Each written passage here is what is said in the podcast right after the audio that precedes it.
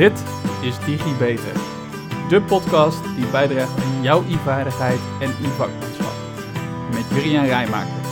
Hey allemaal en welkom bij DigiBeter, de wekelijkse podcast die bijdraagt aan jouw e-vaardigheid en e-vakmanschap in bedrijfsleven of bij de overheid.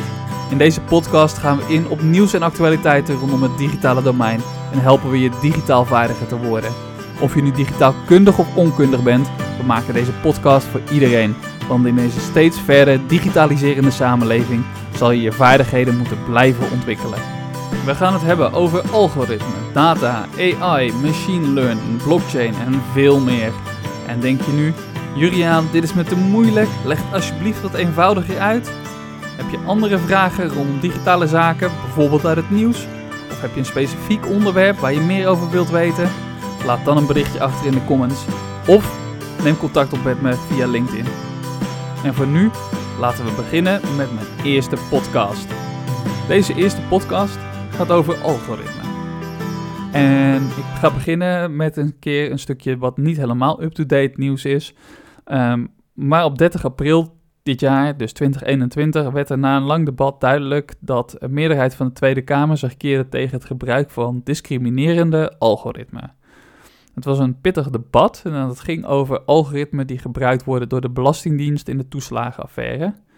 En de conclusie, of een deel van de conclusie daar was in ieder geval, um, dat sommige algoritmes lijken gevoelig voor discriminatie en daar moeten we wat mee.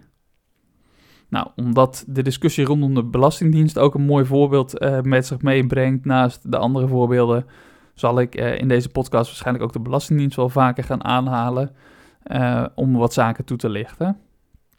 En verder vind ik het wel interessant om te benoemen dat er in 2019 al een initiatiefnota lag, menselijke grip op algoritme, van het Tweede Kamer, VVD Tweede Kamerlid Middendorp.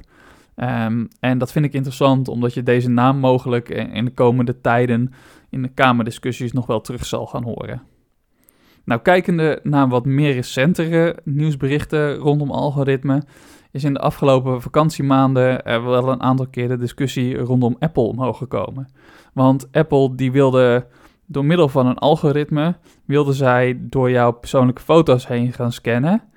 Um, waarbij uh, de discussie vooral gaat om het feit dat uh, het Apple is die door jouw persoonlijke zaken heen gaat. En Apple doet het hier overigens, uh, wat, uit wat zij zeggen, dat het een maatschappelijk belang is. Want ze proberen zaken te scannen die wij als maatschappij bestempelen als onjuist, onethisch.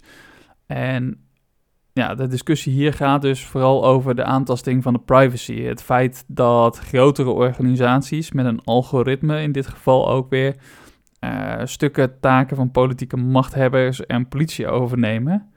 Maar de discussie gaat ook over wat nou als dit wordt toegestaan? Wat kan er dan allemaal nog meer met eh, zaken die jij in je persoonlijke files hebt opgeslagen?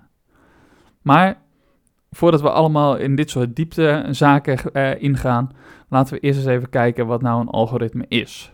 En om dat te bekijken uh, wil ik eigenlijk beginnen met een stukje geschiedenis, want waar komt het woord algoritme nou eigenlijk vandaan? Dit schijnt vandaan te komen bij de Perzische wiskundige, en vergeef me als ik zijn naam verkeerd uitspreek, maar Mohammed ibn Musa al-Khwarizmi. En Mohammed leefde ergens tussen 780 en 800 en stierf ergens tussen 840 en 845. En hij studeerde in het Huis der Wijsheid in Bagdad. En waarom is hij belangrijk? Hij is belangrijk omdat hij als wiskundige ergens rond 833 ons heeft doen wisselen van de Romeinse cijfers waar we toen mee werkten naar de Arabische getallen. Nou, daar komt nu de naam dus vandaan uh, voor onze algoritmen. En als ik naar ga kijken naar wat een algoritme nou precies is, dan zal ik het uh, vanaf hier aan proberen zo eenvoudig mogelijk op te bouwen. Uh, en mocht het nog niet eenvoudig genoeg zijn, laat het me dan gerust weten. Het idee van een algoritme is ooit ontstaan door de aanname dat je intelligentie van ons uh, mensen kan opbreken in kleine elementen en simpele stappen. En als je die stappen heel precies beschrijft en structureert, dan ontstaat als het ware een boodschappenlijstje of een receptje of een recept met instructies. Bijvoorbeeld uh, fruit een uitje, voeg spekjes toe, bak die uit. Voeg wat kruiden en room toe, kook het 4 minuten op een lage temperatuur. Uh, in de tussentijd kook je ook nog uh, pasta en water, doet er een goede olijfolie bij en wat zout. tot de pasta beet gaar is. En vervolgens mag je beide samenvoegen en ja, klaar is je lekkere pasta. In de basis doet een algoritme eigenlijk hetzelfde als hè, dat nu net eh, snel geschetste receptje of dat boodschappenlijstje. Het is een set met stappen die je doorloopt om een bepaald doel te bereiken. Nou, wat mij betreft duidelijk. Een algoritme is dus een beetje hetzelfde als een recept. Ehm, maar wat moet mijn computer nu met dit recept? Nou, door het recept stap voor stap op te schrijven, maak ik eigenlijk regels. Zeg maar een soort met van handleiding voor mijn computer in een taal die mijn computer begrijpt. En nu kan de computer uh, de stappen stap voor stap afwikkelen, zoals ik de stappen in mijn recept volg. En nou ben ik geen kluns in de keuken en ik krijg best wel regelmatig de vraag of mensen bij mij mogen eten. Dus maar ik denk dat ik wel wat goed zal doen. Maar als ik uh, een receptje heb, dan uh, zie ik ook wel eens een regel over het hoofd. Of ik ja, verander er wat aan. Nou, een computer werkt veel strikter en veel preciezer. En zal nooit een stap over het hoofd zien of aan, zomaar aanpassen zonder dat jij hem dat verteld of geleerd hebt. Maar stel nou, hè, je hebt een statisch recept, uh, maar ik wil wel echt een recept hebben waarin ik meerdere keuze heb. Want uh, ik heb niet alleen maar vleeseters, maar ook vegetariërs en veganisten als vrienden. En eigenlijk wil ik, lui als ik ben, wel echt maar één recept koken, want dat scheelt me gewoon heel veel werk. En ja, nu ik zoveel meer keuze heb, maakt het het recept natuurlijk wel lastiger. Want ja, meer keuzes maakt meer beslispunten in mijn recept. Um, wat maakt uh, dat ik ja, toch meer handelingen zal moeten gaan verrichten. Ik krijg nu een aantal keuzemomenten waarop ik mijn recepten moet opdelen. Uh, omdat er op dat punt een ingrediënt uitgelaten wordt of wordt vervangen door een andere.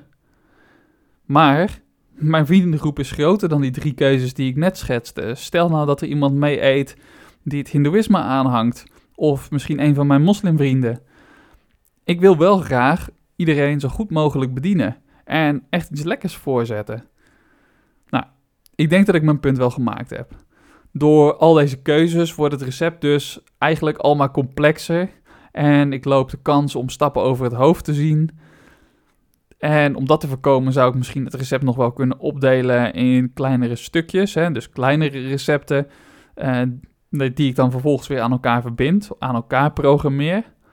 Maar dat maakt het uitwerken van het recept over meerdere pagina's, ofwel de registratie van het recept, wel weer een stuk arbeidsintensiever.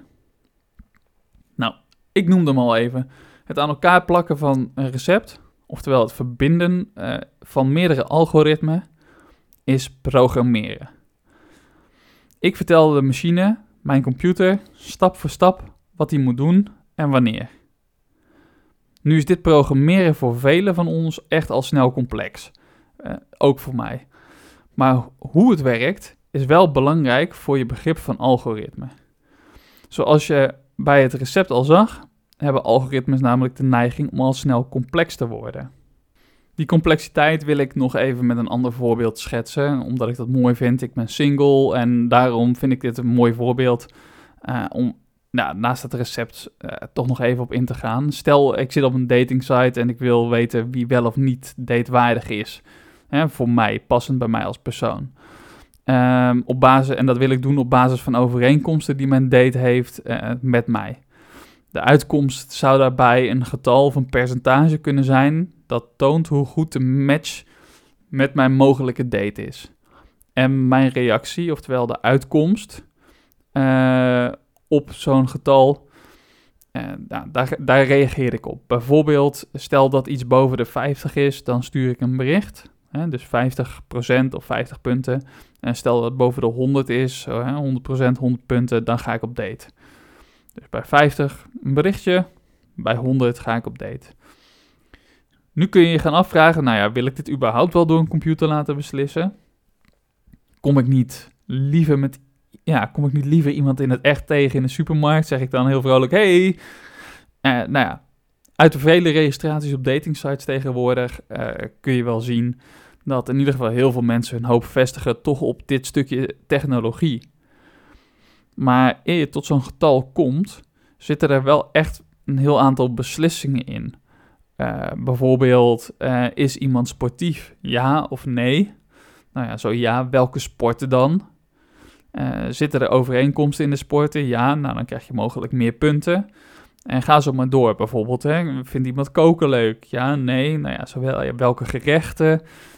zitten daar overeenkomsten in die gerechten? Nou ja, klopt, meer punten. Nou, denk maar aan een beslisboom zoals je dat misschien ooit met statistiek gemaakt hebt.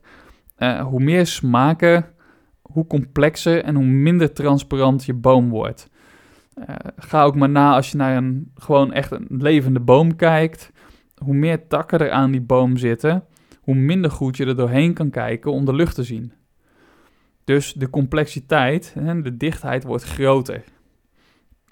Vaak heb je ook niet alleen te maken met helder te definiëren acties, omdat het niet altijd het een of het ander is, maar er zitten ook nog veel gradaties van kleuren tussenin. Dat maakt het niet alleen voor het begrip van je algoritme lastig, maar ook voor je registratie en onderhoud. Nou, dit wordt dus nog complexer op het moment dat een boom levend is en er dus zelf takjes tussendoor kunnen groeien. Nou, zie maar eens bij te houden waar allemaal die takjes dan gegroeid zijn en waarom ze daar gegroeid zijn. Ik heb jullie net meegenomen in wat nou een algoritme is. En ja, als het goed is, snap je dat een algoritme snel lastig en complex kan worden. Maar het is wel goed om even de voor- en de nadelen op een rijtje te zetten voor een beter begrip. Ik ga ze niet allemaal aanstippen, maar een aantal. Uh, waarbij ik wil beginnen met uh, al de voordelen, zoals de snelheid en de schaalbaarheid van een algoritme. Want snelheid en schaalbaarheid van die algoritme is ongeëvenaard. Je kan er geen mens tegenop zetten. Of althans, het kan wel, maar dan heb je echt heel veel mensen nodig. Je kan je dus wel voorstellen wat voor voordeel het oplevert in de kosten uh, van verwerking van data als zo'n systeem het doet ten opzichte van die grote hoeveelheid mensen. We hadden het in het begin al even over de Belastingdienst en het gebruik van de algoritme daar. Uh, en door wat er gespeeld heeft hè, en speelt, hoor je de kritiek groeien over het gebruik van algoritme. Maar van de andere kant, iedere medewerker bij de overheid kost ons geld. En we willen niet dat ons overheidsapparaat te groot wordt, want hoe groter het wordt, hoe meer belastingen we moeten betalen, want het kost meer geld. En redenerend vanuit de overheid is het wel gewenst dat wij ons sociale stelsel dat wij kennen, die mensen die het zwaarder hebben, meer steunen. En de, om de overheid te laten draaien en de toeslagen te kunnen betalen, is er ook belasting nodig. Dus moet er ook gecontroleerd worden dat iedereen krijgt waar hij of zij recht op heeft en dat het ook betaald wordt. Omdat we natuurlijk een heleboel inwoners in Nederland hebben en je daarvoor heel veel gegevens moet controleren, is het gebruik van een algoritme dus haast onomkoombaar. Er zijn echter ook mitsen en maren, zoals wel al bleek uit de toeslagenaffaire. Want ja, nou, we gebruiken dus de algoritmes omdat het dan een heleboel kosten bespaart, maar er zitten ook keerzijden aan. Namelijk een algoritme maakt beslissingen op basis van die zojuist geschetste beslisboom. En een dat hoeft niet zwart of wit te zijn, maar het moet wel uh, in bepaalde vakjes passen. En een algoritme kan daarbij niet kijken naar mogelijke uitzonderingen. Om beslissingen te maken in zo'n algoritme, uh, om de beslissingen te herleiden, uh, moet je het algoritme wel ook echt kunnen snappen en dus terug kunnen redeneren. Je snapt dus hoe complexer het algoritme is, omdat er meer uh, beslispunten in zitten, uh, hoe lastiger het wordt om terug te redeneren hoe je nou tot een bepaalde uitkomst gekomen bent en of die logisch of onlogisch is. En je snapt dat het algoritme, uh, ja, hoe heet het, dat het haast onmogelijk wordt als je het algoritme niet snapt, um, om daar dan een zaak van te maken. En tot slot van de algoritmes, de keerzijde is ook, uh, wat je erin stopt, dat krijg je er ook uit. En dat maakt uitspraken, zoals in de media gedaan worden, van hè, dit is een racistisch algoritme, maakt dat dubieus. Ik weet eerlijk gezegd niet of het eerlijk is om te zeggen uh, dat een algoritme racistisch is. Een algoritme is namelijk super rationeel. Een algoritme is niet jaloers of sentimenteel, maar reageert puur op, um, op zijn dataset. Um, zo hebben we een voorbeeld van Amazon, uh, die ooit een werving- en selectiealgoritme had. Uh, ze zijn er overigens in 2018 van afgestapt omdat het, uh, omdat het vrouwen uitsloot. maar dat algoritme sloot niet vrouwen uit omdat ze slechter waren, maar omdat er in de basis vooral mannen werkten bij Amazon. En het algoritme scande sollicitaties in de sollicitatieprocedure tegen de bestaande database om de meest productieve werknemers te vinden. Want ja, dat was wat Amazon zocht. Mensen die zo snel mogelijk in hun magazijnen de juiste producten bij elkaar konden vinden eh, om een levering te doen. En omdat er weinig vrouwen in die database zaten, zag het algoritme de mannen als meer productief en werden in de selectieprocedure eigenlijk al de vrouwen eruit gefilterd. Nou, een andere keerzijde van algoritme nog is dat het onze luiheid kan stimuleren. Hoewel er steeds meer uh, algoritmen qua open ter controle zijn, uh, is het voor jou als medewerker dus wel echt van belang om te weten welke algoritmen helpen je in je beslissingen en hoe helpen ze jou.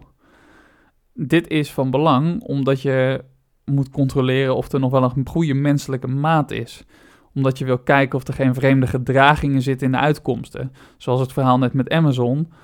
Die, ja, als, als HR-medewerker, uh, als het jou gaat opvallen dat er zelden een vrouwelijke cv naar boven komt, uh, dan zou je daar wel vraagtekens bij moeten gaan zetten. Een computer heeft geen gevoel. Een machine ziet 1 of 0. Links, rechts, zwart, wit, precies wat je ze verteld hebt.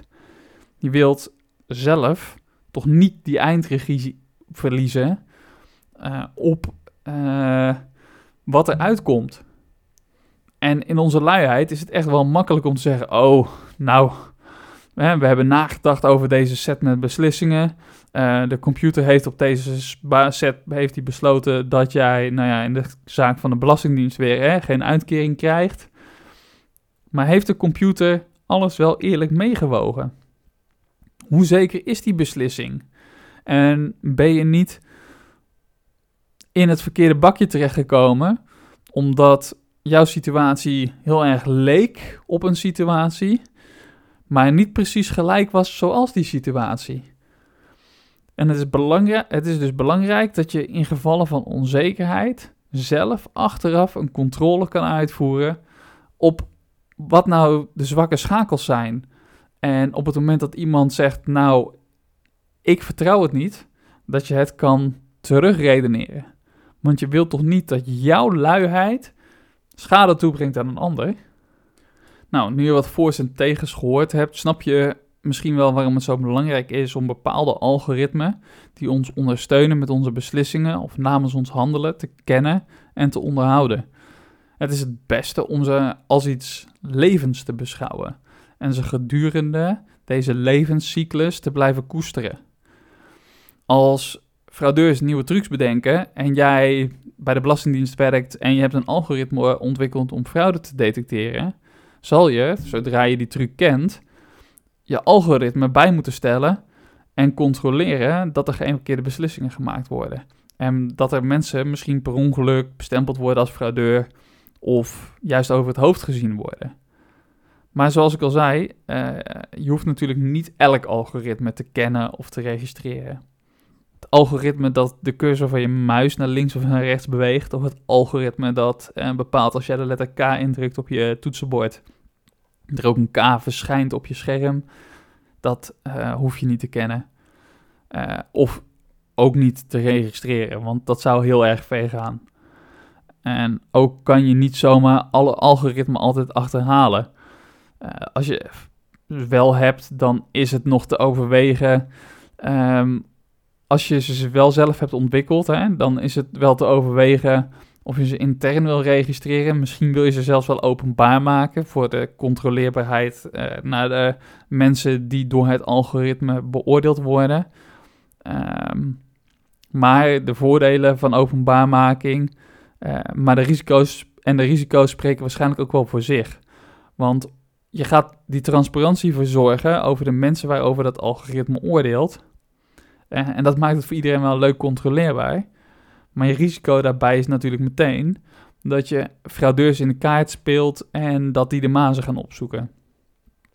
Uh, dus als je een algoritme hebt ontwikkeld of hebt laten ontwikkelen om jou te ondersteunen, zorg dan dat je in ieder geval het algoritme geregistreerd hebt, weet hoe het algoritme werkt en het regelmatig controleert en het up-to-date houdt. Google het rapport uh, van de Algemene Rekenkamer maar uh, aandacht voor algoritmes. Uh, dat is een zeer duidelijk rapport. En dat meldt ambtenaren verschuilen zich heel erg veel achter computermodellen. Maar wees nou eens eerlijk naar jezelf. Heb je er überhaupt wel eens over nagedacht welke algoritmen jou ondersteunen in je werk? En ambtenaar of niet. Um, als jij op de weg zit en je navigatie zegt dat je naar rechts moet, controleer jij dan de verkeersborden en ga je kijken of het daadwerkelijk de juiste rechts is? Nou, als ik naar mezelf kijk, heel eerlijk gezegd, nee. Ik kijk wel of er een afslag rechts is.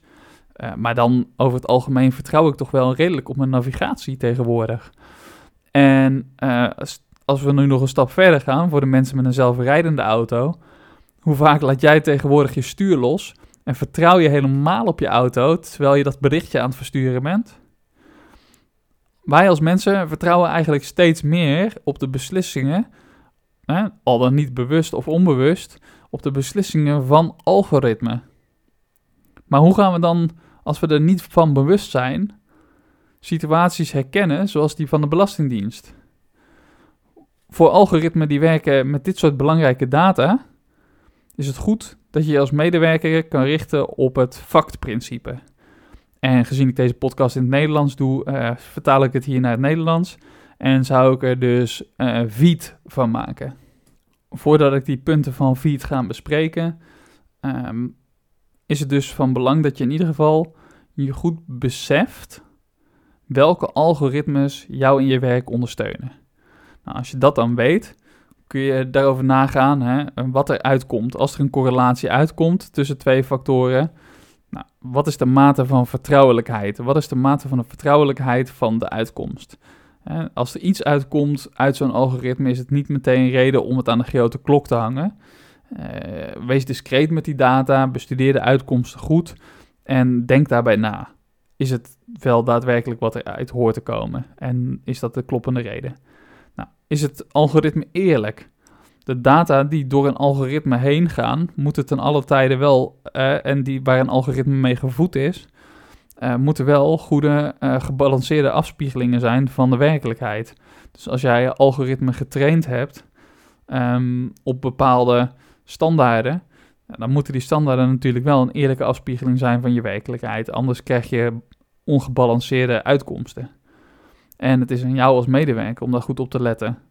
Nou, verder moet je algoritme natuurlijk accuraat zijn. Het is misschien een beetje een inkopper, maar het systeem moet accuraat werken en zal de juiste data met elkaar moeten verbinden. En tot slot, eh, ik heb hem al genoemd een beetje, de transparantie. Um, je moet als medewerker en organisatie begrijpen hoe de algoritmen die voor jou ontwikkeld zijn, hoe die werken. En op het moment dat je daar vragen over krijgt, zou je dat moeten kunnen uitleggen.